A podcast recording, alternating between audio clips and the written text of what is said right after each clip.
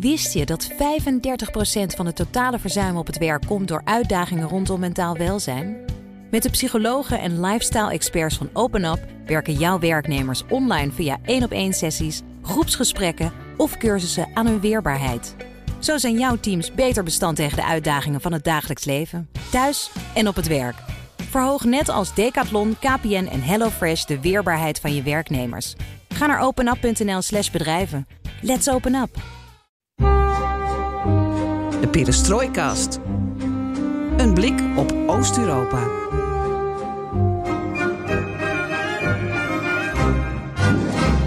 Welkom bij BNR Perestrooikast, aflevering 156 van de enige podcast van Nederland die volledig oog voor het oosten heeft en geeft. We produceren deze week in hoog tempo door, mijn waarde Floris. Ook omdat het wel weer een, een krankzinnige week is. Ja, bijna negen maanden oorlog en ik ben in het zuiden van Oekraïne. Op plekken waar ik een paar maanden geleden ook was. En op nieuwe, nieuwe plekken. Omdat het weer kan, omdat de situatie in het zuiden van Oekraïne eigenlijk sinds de bevrijding van Gerson totaal is veranderd. We zouden ook kunnen zeggen dat we dus volledig oog voor het zuiden uh, hebben en geven. Want je zit ook wel een beetje in een mediterraan klimaat bijna. Uh, zomers ja, nu is het gewoon uh, grijze lucht. Zonder kachel. Oké, okay. Gaan we het zo uitgebreid uh, over hebben. zoals de luisteraar van ons gewend is. Want in de perestrojkas kan alles ten oosten van de rivier de Elbe de komende weken, maanden, jaren natuurlijk worden besproken. Ja, en wat leuk is, is dat wij heel sociaal en democratisch zijn. En abonneer je op ons, zodat je geen aflevering hoeft te missen. BNR Perestrojkast. Zoek ons op in je favoriete podcast app. Dat doe jij zo goed, die aankondiging. Zelfs vanuit het zuiden van Oekraïne. Mm -hmm. Ik ben Geert. Oefenen. Ik ben Floris Akkerman. en dit is BNR Perestrojkast.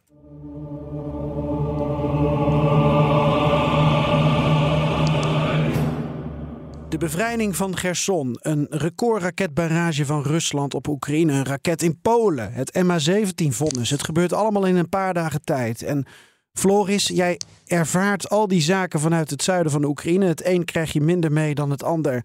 En het ander krijg jij weer mee op zo'n bijzondere manier dat, dat, waar wij ons geen voorstelling van kunnen maken. Waar ben je? Wat doe je? Ik ben nu in Mykolaiv, uh, in Zuid-Oekraïne, in mijn appartement. Ik heb daar sinds anderhalf uur ongeveer weer water.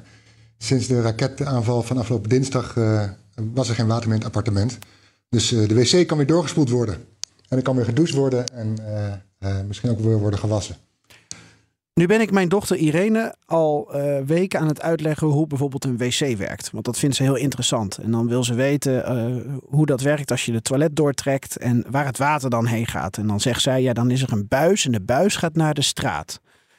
Ben jij, ik, ik, ben, ik weet niet of jij die fascinatie ook hebt, maar ik ben eigenlijk wel benieuwd hoe ze toch telkens al die reparatiewerkzaamheden uitvoeren. Dan is er dus geen water, zeg je. En Ineens is er wel weer water. Waar, waar, komen, waar komen die buizen vandaan? Waar komen die spullen vandaan? Wie doet dat allemaal? Hoe werkt dat? Ja, het fijne technische verhaal, daar, eh, daar moet je me niet naar me vragen. Heb en ik wel gedaan. uh, ja, en wat ik wel uh, weet, ik heb er afgelopen week over gesproken met iemand die erover gaat in, in, in Mykolaiv. Hij zegt, als het moet gebeuren, dan doen Oekraïners het. dus hij zegt van, als er, als er geen elektriciteit is, als er geen water is, dan gaan we meteen aan de slag en dan repareren we het zo snel mogelijk. Dat zie je ook bij heel veel andere, andere uh, schade die bijvoorbeeld na een, na een raketaanval is, uh, is ontstaan. Hè. Bijvoorbeeld de, de, wegen in Kiev na de raketaanval in oktober. Uh, werd ook meteen de straat, het gat in de straat meteen weer dicht geasfalteerd. het, het, park Shevchenka, Shevchenko heeft een kinderspeeltuin in Kiev, in het centrum van Kiev. Um, dat werd ook getroffen door die raketaanval. En die speelkinderen, speel, dat speeltuig staat er ook weer. Dus als er iets gebeurt, dan gaan ze meteen aan de slag om het te repareren. En je krijgt toch telkens bij al die aanvallen de indruk van dat, dat het gevolg ervan schaarste is. En dan hebben we het over hele primaire voorzieningen als uh, gas, water, licht, uh, telecommunicatie, internet. Mm -hmm. Maar uh, die mensen die zijn er dus allemaal om telkens alles weer te repareren. En er zijn dus genoeg buizen en er is genoeg verf en er is genoeg materiaal. En, en alles kan dus toch weer opgetuigd worden. Dat is toch fascinerend? Dat is zeker fascinerend. Net als fascinerend is dat, dat de treinen dan weer zo snel mogelijk rijden. Ja. Of blijven rijden tijdens de hele oorlog.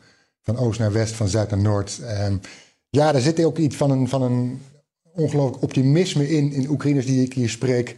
Uh, we geven niet op, we gaan door, we zetten de boer op de rit en we laten ons niet kennen. Het is ook uitstralen naar Rusland bijvoorbeeld. Hè, van, uh, wij gaan, jullie krijgen ons er niet onder, wij repareren gewoon. Onze leidingen. Wij laten onze treinen weer rijden zodra een stad is bevrijd. wij gaan weer door, wij pakken het leven weer op. En dat merk je, dat merk je eigenlijk aan heel veel, heel veel mensen. Zeker hier in Mykolaiv. afgelopen zomer hier was ik hier. En toen was het echt een totaal andere sfeer. bedrukt, leeg, weinig open. aanvallen natuurlijk. Mykolaiv lag binnen het artilleriebereik van de Russen. Maar sinds Gerson is bevrijd deze maand eerder, is ook Mykolaiv verlost van het uh, etiket frontstad. En zie je de mensen weer terugkeren. En zie je cafés weer opengaan. En zie je mensen weer ja, de stad proberen nieuw leven in te blazen. Місто, яке не здолають. Миколаїв щодень удари тримає. Миколаїв Знову прилітає, серце калатає, сирена завиває, вибухи лунають, але Миколаїв це місто, яке не здолаю. Ik zag wat beelden vanuit Gerson, waar jij gisteren bent uh, geweest. Robert van der Noorden spreekt het op zijn Oekraïens uit. Die zegt een Hierson, geloof ik. Uh -huh. En uh, dan zie je daar dus uh, transport. Je ziet vrachtwagens, met name met heel veel eten bijvoorbeeld. Hè. En je had het al over die Starlinks ook, die dan zijn geïnstalleerd in, uh, in aflevering 155. Maar zie je dan in Mykolaiv dus een ander soort transport? Zie jij dus daar ineens weer um, ja, transport voor, voor vermaak, goederen voor vermaak binnenkomen, voor, voor het leuke leven? Is dat, is dat ook een onderscheid dat je waarneemt? Nou, dat zie ik niet zo heel erg in Mykolaiv. Ik ben vooral bezig uh, met uh, de wintervoorbereiding, hoe de stad zich voorbereidt op de winter. Uh, want ja, er is hier geen, geen niet, niet, iedereen heeft hier verwarming, niet iedereen heeft, heeft water dus. Of als er water uit de kraan komt, is zoutwater. huizen zijn aangevallen door raketaanvallen, waardoor de ramen er niet in zitten en alleen met houten schotten zijn afgedekt. Dus mensen proberen nu, was bij een vrouw die heeft nu nieuwe, nieuwe kozijnen ingebracht deze week voor de winter. Een andere man, die, ja, die, die, zijn huis is vorige week gebombardeerd door, bij een raketaanval. Die slaapt nu even een week op zijn werk. En hoop volgende week weer terug te keren als uh, de ramen er weer in zitten. Althans, in ieder geval als die ramen helemaal wat beter zijn geïsoleerd. Die ramen zijn dus uitgevlogen, dat glas. En uh, dan heeft hij dus nu houten schotten voor. En dan gaat hij later nog een keer een plastic zeil er door, doorheen brengen, of ah. opbrengen, op aanbrengen. En dan hoop je in december hoop je echt kozijnen te hebben. Um, dus je ziet hier nog steeds mensen overleven hoor. Bij het puin waar ik was bij zo'n raketaanval, daar lag allemaal hout tussen. En radiatoren, kachels. En ja, daar gingen dus mensen naartoe om dat hout uh, op te ruimen of mee te nemen naar huis, om dat te weer kunnen verstoken, omdat ze geen verwarming hebben. Uh, dus zo zie je dat ze allerlei manieren proberen om, een, om, om het warm te krijgen. Dat hout van die vrouw, wat ik vertelde, die dus nieuwe kozijnen heeft inmiddels. Het hout van die oude kozijnen gaat naar de schoonvader van haar zoon. Als je het nu nog snapt. Um, Als het maar nut heeft, dan maakt het niet uit of ja, ik het snap. Precies, die, die, die, schoonvader die heeft geen, die, ja, daar is verwarming, die woont in het dorp buiten Mykolaiv. Daar is geen verwarming nu. Uh, dus die gaat het hout van die kozijnen weer gebruiken om te verbranden, om het warm te krijgen in zijn kachel. Goh. Dus je ziet allerlei mensen zijn bezig om uh, de winter door te komen om te overleven. Ja, ja en je moet ook voorraad hebben. Want ik, ik zat wat, wat weersvoorspellingen te kijken. En uh, dat is natuurlijk een beetje in de categorie palingen en peilingen. Maar tegelijkertijd, de, de voorspellingen voor de winter in Oekraïne zijn en dat, dat, dat die winter niet zo super streng wordt. Uh, vergelijkbaar met, met afgelopen jaar. Maar goed, ja, de standaard, de norm is dat in grote delen van Oekraïne het um, ja, toch in de buurt van de min 20 kan komen. Nou ja, dan is het min 10 misschien. Maar dan nog zit je met sneeuw, ijs en, en kou. Ja, dat is, dat is niet te doen natuurlijk. Dus ja, die mensen proberen dat nu opnieuw daar zich nu op voor te bereiden. Of het allemaal lukt, of het genoeg wordt, dat is nog maar de vraag. Um, je kan ook, ja, elektriciteit is het, kan, doet het nog wel. Dus je kan ook denken aan elektrische kachels, aan elektrische uh, dekens. Maar ja, niet iedereen heeft hier veel geld. Hmm. Uh, de economie is in elkaar gestort, dus mensen hebben minder uh, salaris. De, de, de, overheid krijgt minder belasting binnen. Dus wat dat betreft is het uh, in Mykolaiv uh, ja, gewoon, gewoon overleven en, en het beste van hopen op maken. Ja. Maar hoe wordt het geregeld financieel dan? Ik, ik snap dat je misschien niet alles daarvan weet, maar ik had al wel gelezen dat premier nou, uh, die had al wel gezegd van ja, we geven gewoon veel meer subsidies. En uh, voor deze winter moeten mensen doorkomen. Maar goed, we hebben het met Casper Veldkamp van um, de Europese Bank voor Wederopbouw en Ontwikkeling ook over gehad in aflevering 137. Uh, het kost ongelooflijk veel geld en dat moet natuurlijk naar Oekraïne toe. Uh, maar op een of andere manier lukt het dus nog? Voor alles en iedereen? Ja, die vrouw die dus nu deze week nieuwe kozijnen heeft, uh, ja, haar salaris is veel te weinig. Die, die, haar salaris geloof ik, nou ja, die kozijnen kosten 20.000 griefna in totaal. Nou, ik zal je de bedragen besparen. In ieder geval. Ja, die griefna is natuurlijk ook in elkaar gedonderd. Ja, dankzij haar zoon, die steunt haar financieel. Dus kan ze die kozijnen betalen. De man waar ik sprak bij, bij wie de raketaanval vorige week de ramen eruit vlogen. En toen ik daar was bij hem thuis, was er een hulporganisatie die was aan het meten en aan het berekenen hoeveel het kost. En dan maakt die hulporganisatie geld over naar die man om daar zijn nieuwe kozijnen van te kopen. 20.000 griefna is ongeveer 500 euro. Ja, dat zou kunnen. Maar volgens mij, als ik me nu. En dan, ja, zij verdiende een vijfde of zo als inkomen, heeft zij. Ja. Als boekhouder. Jij bent um, ook in Kiev geweest. En, en nu dan weer in het, uh, in het zuiden. En we hadden gisteren natuurlijk uh, die die aflevering 155 met uh, Misha van Diep en Robert van der Noorden. En met de audiofragmenten van jou. Je had allemaal berichten ingesproken. Die hebben mensen kunnen, kunnen horen. En, en er zat heel veel emotie ook in jouw stem. Er waren echt luisteraars die hebben aan mij ook nog een mailtje gestuurd. Van, van hoorde ik nou goed dat Floris emotioneel was? Dat, dat valt dan blijkbaar op als jij een keer emotioneel bent. Ik ben natuurlijk een super extravert persoon. En jij bent iets monotoner dan ik. Uh, was je ook emotioneel eigenlijk? Um, ja, emotioneel. Nou, ik ik weet niet of ik emotioneel was. Volgens mij moest ik meer. Ik, ik, moest meer hijgen, volgens mij, omdat ik mijn bus moest halen. Had ik idee. Maar het, het, kan zijn dat ik emotioneel was. Weet je niet. Ja, je, als je al die blije gezichten ziet, en dat, ja, dat, dat laat je ook weer niet koud, zeg maar. Nou, je had het over bevroren ogen.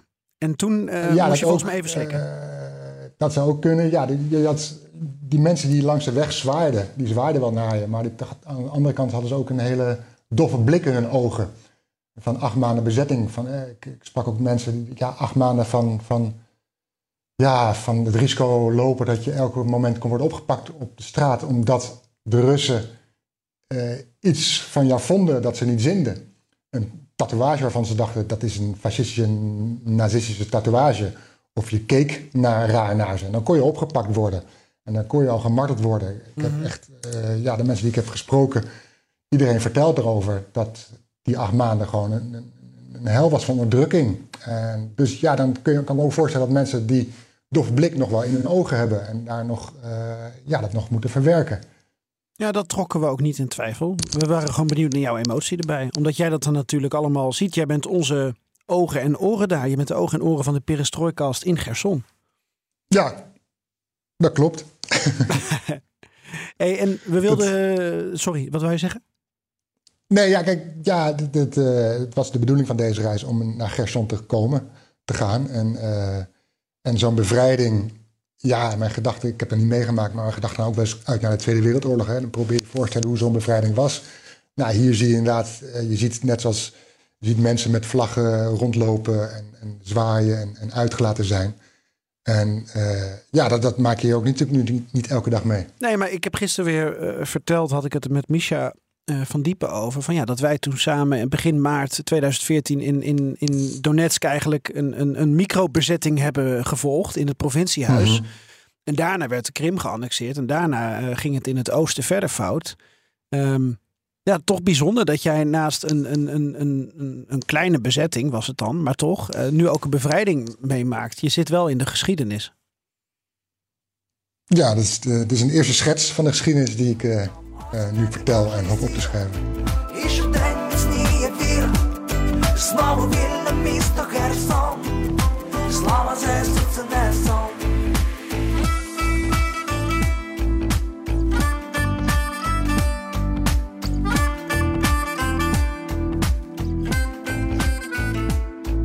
We hadden gisteravond even gebeld en toen zei je van ja, we moeten het eigenlijk hebben over het verschil tussen Mykolaiv en Gerson en de manier waarop de mensen daar nu leven. En uh, wat het verschil is tussen het zijn van een, een frontstad en een niet-frontstad.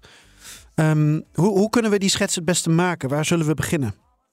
Nou, ik vertelde het zo even al natuurlijk hoe dat in Mykolaiv is ten opzichte van afgelopen zomer. Toen uh, Mykolaiv een frontstad was en nu dus niet meer. En dan merk je meteen aan zo'n stad dat mensen zich vrijer voelen. En uh, uh, dat die stad ook meer leeft. Mensen zijn teruggekomen. Het is een stuk drukker op straat dan afgelopen zomer. De treinen rijden weer richting Kiev. Daar twitter jij al over, Geert-Jan.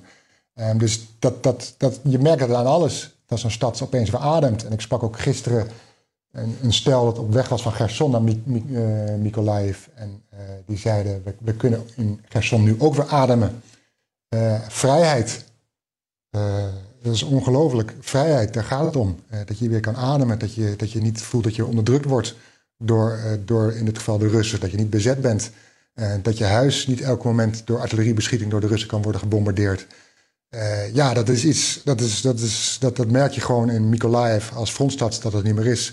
En in Gerson als stad dat nu weer in handen is van, dat nu bevrijd is door Oekraïne. Ja, want je hebt dus een bezette stad, dat was Gerson.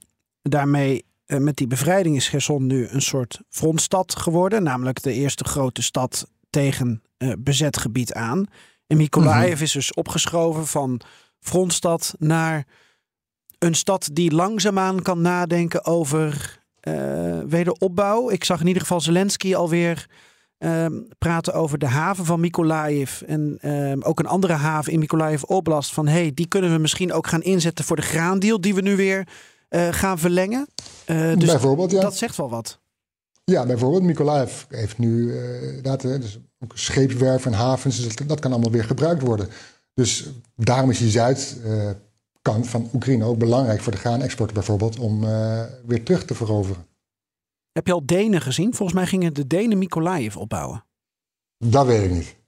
Of, ik heb ze ook niet gezien en of ze, gaan, of ze Mykolaiv gaan opbouwen, weet ik niet. Geen Deen. Maar we zouden het ook. Oh, nee, nee, dat weet ik. We zouden het inderdaad hebben over Bob Deen. Nee, die, die, die, zit, zit ergens in de Caucasus, geloof ik. um, maar goed, we zouden het ook wat specifiek hebben over, over de verhalen van mensen. Ja, daar ben je uh, voor. Die ik heb, Vertel. heb gesproken. Uh, nou ja, kijk, ik, ik vertelde het. Je krijgt iedereen die je vraagt. Dan natuurlijk zijn ze, hebben ze de dagelijkse problemen van geen water, geen elektriciteit, geen verwarming, geen internetverbinding, geen telefoonbereik. Dus dan gaan ze inderdaad staan, sommigen bij zo'n Starlink-satelliet op straat. Maar vroeg of laat, naast die blijdschap die ze hebben, uh, ik sprak een man die liep trots met uh, de vlag, met de Oekraïnse vlag rond op het centrale plein, op het Vrijheidsplein van Gerson. En daarop had hij de handtekeningen als van, van Oekraïnse soldaten. Had hij. En hij noemde ze echt ja, superhelden. Alsof het stripfiguren waren. Stripfiguren zijn van, van, van Batman. Superhelden die ons hebben bevrijd, die ons hebben gered. En ja, hij vertelde ook over de bloemen die werden uh, geschonken vorige week aan, aan de Oekraïnse soldaten. Uh, foto's die ze maakten, selfies die ze maakten met de soldaten. Um, iemand andere man vertelde me dat ze, ja, ze hadden cognac en vodka en shashlik bewaard voor de bevrijding. Uh, die gingen, ze hebben ze vorige week opgegeten en opgedronken. Um, hij, hij, had een brok in zijn keel van, ja, van, van ja, bevrijding. Ja, wat voel je dan? Ja, Oekraïne voelt hij dan vrijheid. Geen Russen meer, geen nazi's hier. Um, noemde dat. Hij kon moeilijk eigenlijk op dat moment zijn tranen inhouden. Dus ja, wat dat betreft zie je, die enorme blijdschap is nog steeds aanwezig. Er was een, een vrouw um, die uh, woonde in een buitenwijk, woont in een buitenwijk van, van, van Gerson en in een flat. En haar onderbuurman had daar een, een cadeau gegeven om die te graven, om daar om die uh, uh, in, in de tuin voor de flat te planten. En die plant, een struik, die hebben ze nu overwinning genoemd. En elke dag zei die mevrouw van ga ik vanaf mijn balkon kijken hoe die plant groeit, hoe die boom groeit, samen met mijn buurman. Ja, dan, zie je hoe die blijdschap is. En dat is, dat is, dat is ongelooflijk. Tegelijkertijd, bijvoorbeeld die laatste vrouw, die woonde vlakbij een gevangenis. En uh, de garages werden daar gebruikt door de Russen als martelkamers. Dus die, die bewoners, niet alleen die vrouw die ik sprak, maar ook anderen, die hoorden dus het geschreeuw van de gevangenen. Die werden gemarteld. Dat hoorden ze dus buiten doorkomen vanuit die gevangenis. En zo heb je continu verhalen van, van mensen die vertellen over martelingen, over mensen die zijn verdwenen. Um, die man die ik sprak, die, die zo emotioneel werd, hè, die, die wat voelde over Oekraïne, wat vrijheid is, geen Russen meer, geen nazi's hier. Ja, die, die, zijn baas is verdwenen, gedeporteerd naar de Krim. Hij vertelde ook over een, over bij hem in de buurt was een checkpoint. En toen hebben 18 Oekraïnse jongens uh, hebben zich verdedigd tijdens de, de, tijdens de aanval door de Russen op Gerson met Molotov-cocktails. Uh, dat was het enige wat ze hadden. En die zijn in, in een gevecht met Rusland, met de Russische soldaten zijn ze gedood. En de Russen hebben die, die lichamen drie dagen laten, laten liggen. Zo. En de vierde dag konden de bewoners die uh, lichamen opruimen. En hebben ze die begraven in een, in een bosje vlakbij die man om de hoek. Ja, En zo gaat het maar door. Blijdschap wisselt zich af met tranen, met, met, met, met, met, met, ja, met verhalen, de meest verschrikkelijke verhalen. Je hebt ook een, een, een, aantal van deze anekdotes opgetekend en die komen zaterdag in NSC Handelsblad. Misschien ook goed om te benoemen alvast. Dan kunnen mensen ook de foto's erbij zien natuurlijk. Ja, zeker. Prachtige foto's door uh, Konstantin Tchernitsky, die uh, samen met mij op pad is deze weken. Mag ik je nog een vraag stellen van uh, collega Bernard Hammelburg? Ja, natuurlijk. Want in ehm, zijn programma De Wereld, daar schoof ik ook bij aan. En toen spraken we Christ Klep, historicus. En mm -hmm. het ging ook over. En daar kwamen we niet helemaal over uit. Uh, hoe het nou zit met hoe gevaarlijk uh, Gerson op dit moment is. Uh, want daar gingen natuurlijk allemaal verhalen over de ronde. booby traps, mijnen, um, Russische saboteurs. Um, je, hebt, je hebt net iets geschetst van Mykolaiv ook natuurlijk, maar ook deels Gerson. Dus het loopt een beetje door elkaar. Maar mm -hmm. uh, wat, wat ik ervan heb meegekregen en hoorde van een aantal mensen... is dat er wel wat uh, Oekraïense uh, ja, geniesoldaten zijn gesneuveld. Dus de sappers hè, die, die, die de mijnen wilden ontmijnen. En dat is niet helemaal goed gegaan in sommige gevallen. Er is geloof ik een soort politiegebouw ook opgeblazen. Wat heb je mm -hmm. ervan gemerkt? Wat heb je, moest je heel erg letten op waar je liep, op waar, wat je vastpakte? Nou, van tevoren met de redactie NRC doorgenomen wat, wat ik moest doen. dus blijf op het asfalt, uh, raap niks op, pak niks op, uh, ga nergens zomaar in. ga niet een grasveld op, blijf op, blijf op het asfalt. Dat is eigenlijk de, de, de stelregel, blijf op het asfalt. Want dan kan je zien wat er ligt. ja, daar ligt overal, daar kun je geen mijngraaf begraven bijvoorbeeld. ja, je moet ook letten op, op, op touwtjes of, of, of draad dat gespannen is. Dus uh, en over wegen, ja, over het algemeen zijn daar wel mensen al overheen gegaan, of auto's of, of andere voorbijgangers. Dus dan kun je ervan uitgaan dat het, dat het uh, uh, veilig is. Maar ga dus niet zomaar een, een plantsoen in. Um, je weet niet wat daar natuurlijk is gegraven onder de grond. Dus ja, de stelregel is blijf op het asfalt. En wat betreft die booby traps, ik heb daar met iemand over gehad die zegt: ja, ik heb daar eigenlijk, ik werk eigenlijk mijn, ik heb daar weinig van gemerkt. dat er allemaal mijnen nog in de stad liggen, booby traps. dus dat, dat, dat idee had ik niet. Uh, nogmaals, ja, je spreekt natuurlijk niet met iedereen, dus je weet niet hoe, uh, hoe dat uh, bij anderen is. Um, of, ja, of de Russen terug gaan vechten, of Mykolaiv echt, of Gerson echt een frontstad is. Je hoorde wel artilleriebeschietingen op het centrale plein, het vrijheidsplein van Gerson. Maar ja, niemand maakt zich daar druk om. Iedereen voelt zich veilig nu beschermd door, door, door, door het Oekraïnse leger. Ehm, dus ja, of, of Gerson echt zo'n frontstad wordt en de Russen dat gaan beschieten, dat is inderdaad nog maar de vraag. Ja. Nou, Chris Klep die zei over die booby traps en mijnen en alle waarschuwingen vooraf voor uh, de eventuele vernietiging van Gerson. Um, dat, dat de Russen uh, misschien gewoon weer iedereen zand in de ogen hebben gestrooid. Um, wat je daaruit zou kunnen concluderen is dat Oekraïne natuurlijk dan voorzichtiger die stad in is gegaan. Het Oekraïense leger. En um, ja, dat dat de Russen weer meer tijd gaf om zich uh, op een bepaalde manier uh, terug te trekken. Ja, het is allemaal speculeren, maar je hebt, je hebt met de mensen... Misleiding is, misleiding is ook oorlog. Zeker. Heb ik geleerd de afgelopen maanden. Nee, maanden. maar ik was wel gewoon benieuwd of dat iets is. Je hebt er zelf op gelet. Dus je bent ook vrij alert natuurlijk door die stad dan, uh, dan gaan lopen. En dan ga je bij mensen langs. En nou ja, als ze een, een, een voortuintje hebben, dan ga je niet op het gras staan. Maar hadden ja. die mensen het er zelf over? Hebben ze daar nog angst voor? Nee, de, de, die angst, de angst eigenlijk voor, voor uh, uh, nu, de, de, de, de vreugde van de bevrijding is zo groot dat de angst voor andere dingen nu eventjes uh, wegvalt. Ja.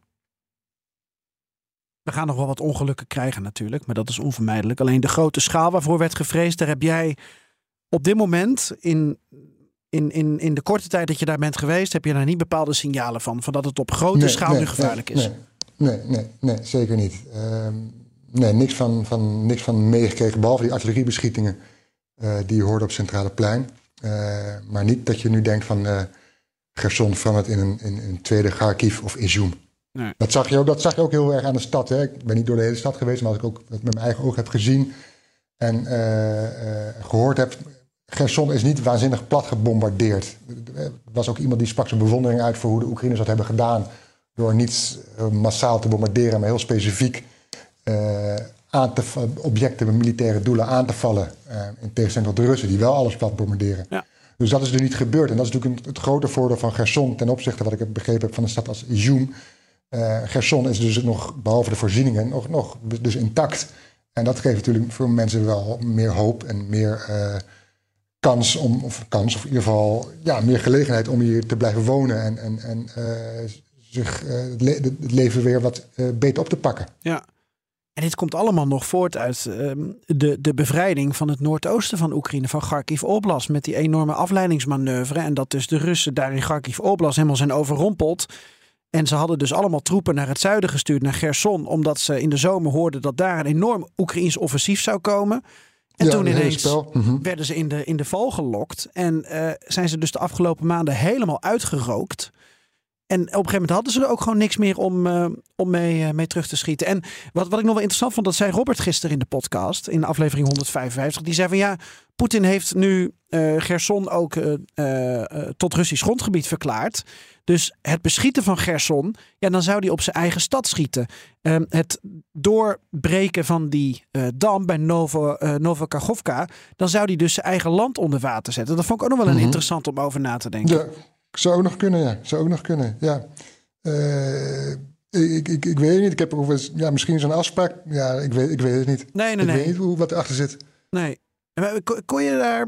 Um, is het prima om Russisch te praten met de mensen?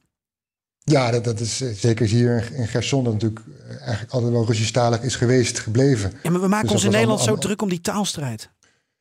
Ja, maar daar, daar, merk je eigenlijk hier uh, in Oekraïne weinig van. Um, ook, niet, ook in Gerson was het allemaal prima om, om Russisch te praten. Uh, dat, eh, mensen zeiden van ja, als je nou Russisch praat of Thais, dat maakt ons allemaal niet, niet zoveel uit. Thais. ja. Oké. En hoe ben je, hoe ben je door, die, door die stad, um, uh, als je Gerson en Mykolaiv vergelijkt op het gebied van bijvoorbeeld infrastructuur en transport? Want als we kijken naar uh, nog een keer dat gesprek met Casper Veldkamp, die legt dan ook uit dat een wederopbouw bestaat niet alleen uit het neerzetten van huizen, maar gaat ook om infrastructuur, het gaat om voorzieningen. Mensen moeten het gevoel hebben dat je daar om sociale redenen weer kan wonen en om economische redenen. Er moeten banen zijn. als je dingen vergelijkt, bijvoorbeeld op het gebied van transport, Gerson, kun je daar alleen maar lopend doorheen? Zijn er geen trolleybussen? Zijn er geen nee, ik, ik andere manieren van transport? Al, ik zag wel een paar Okay. Ja. Uh, dus dat, dat, die zag je al rijden, maar geen trams. Ik weet niet of die überhaupt rijden in Gerson. Daar hebben we niet op gelet als, of er trambanen zijn, tramrails. Uh, maar ni niks van ander openbaar vervoer. Dat soort dingen niet. En uh, ja, er kwamen op het, op, het, op het Vrijheidsplein, waar je dus heel veel vreugde had van mensen om, vanwege de bevrijding kwamen er ook op een gegeven moment vier busjes met voedselhulp en medicijnen. En die werden meteen, uh, nou niet bestormd wilde ik niet zeggen, maar daar stond binnen een oogwenk stond daar een rij van mensen die stonden te wachten. Um, en er zijn dus ook op plekken, op waterputten in de stad, uh, uh, waar mensen met lege flessen staan om water te halen. Dat is natuurlijk hier Mykolaiv, ja, dan is er dan even, even geen water, maar komt op een gegeven moment wel in ieder geval zout water uit de kraan waar je wel iets mee kan doen.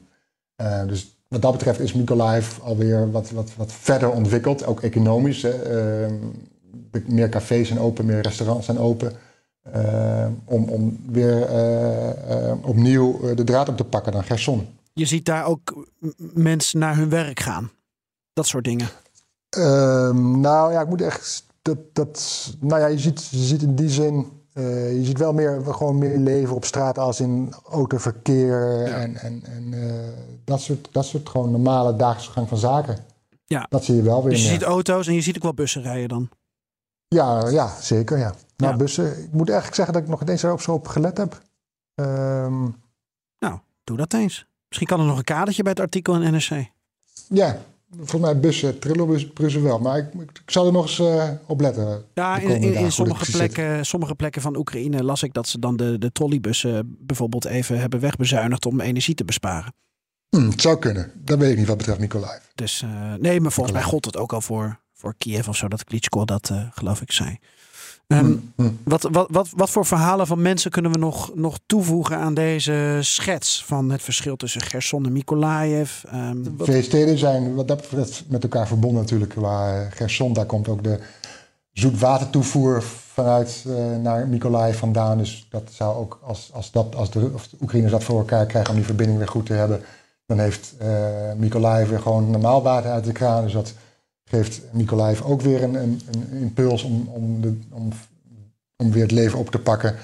Um, dus ja, en dan, dan heb je de weg tussen Mykolaiv en Gerson. Daar Oh zijn ja. allemaal dorpen. Want je plat. moest er naartoe gisteren. Ja, ja, daar ga je naartoe. Nou ja, waar je eigenlijk in, in Gerson nog de, stad op het eerste gezicht, zoals ik het heb gezien, redelijk intact is, is, is het onderweg van Mykolaiv naar Gerson. Ja, dan, dan zie je eh, tankstations verpulverd. eh, van huizen is niks meer over. Van gebouwen weet je, zie je niet wat ze oorspronkelijk waren. Eh, wegen, daar moet je omheen rijden over een van de zandweg, omdat de wegen gewoon plat zijn gebombardeerd. Verroeste militaire voertuigen van de Russen met een V erop langs de weg. een dode hond, velden afgezet met tekens met eh, wit-rood lint en, en een bordje van kijk uit mijnen. Ehm, ja, daartussendoor, tussen, tussen Mykolaiv en, en, en Gerson, merk je echt nog wel eh, de verschrikkingen van de oorlog, de verwoestingen die zijn aangebracht. Doe je voorzichtig daar, ook al valt het mee? Eh, we, we doen altijd voorzichtig, maar je hebt niet alles in de hand. Nou, dat zijn hele geruststellende woorden om mee af te sluiten. Oké, nee, Floris. ik, eh, ik ga ervan uit dat je in Nederland weer ziet. daar, eh, daar hoop ik ook op. En daar ga ik dan ook maar eh, vanuit. Ehm, nou, de ballen dan maar, hè? Aju, paka. Калинка, калинка, калинка моя, в саду ягода, малинка, малинка моя.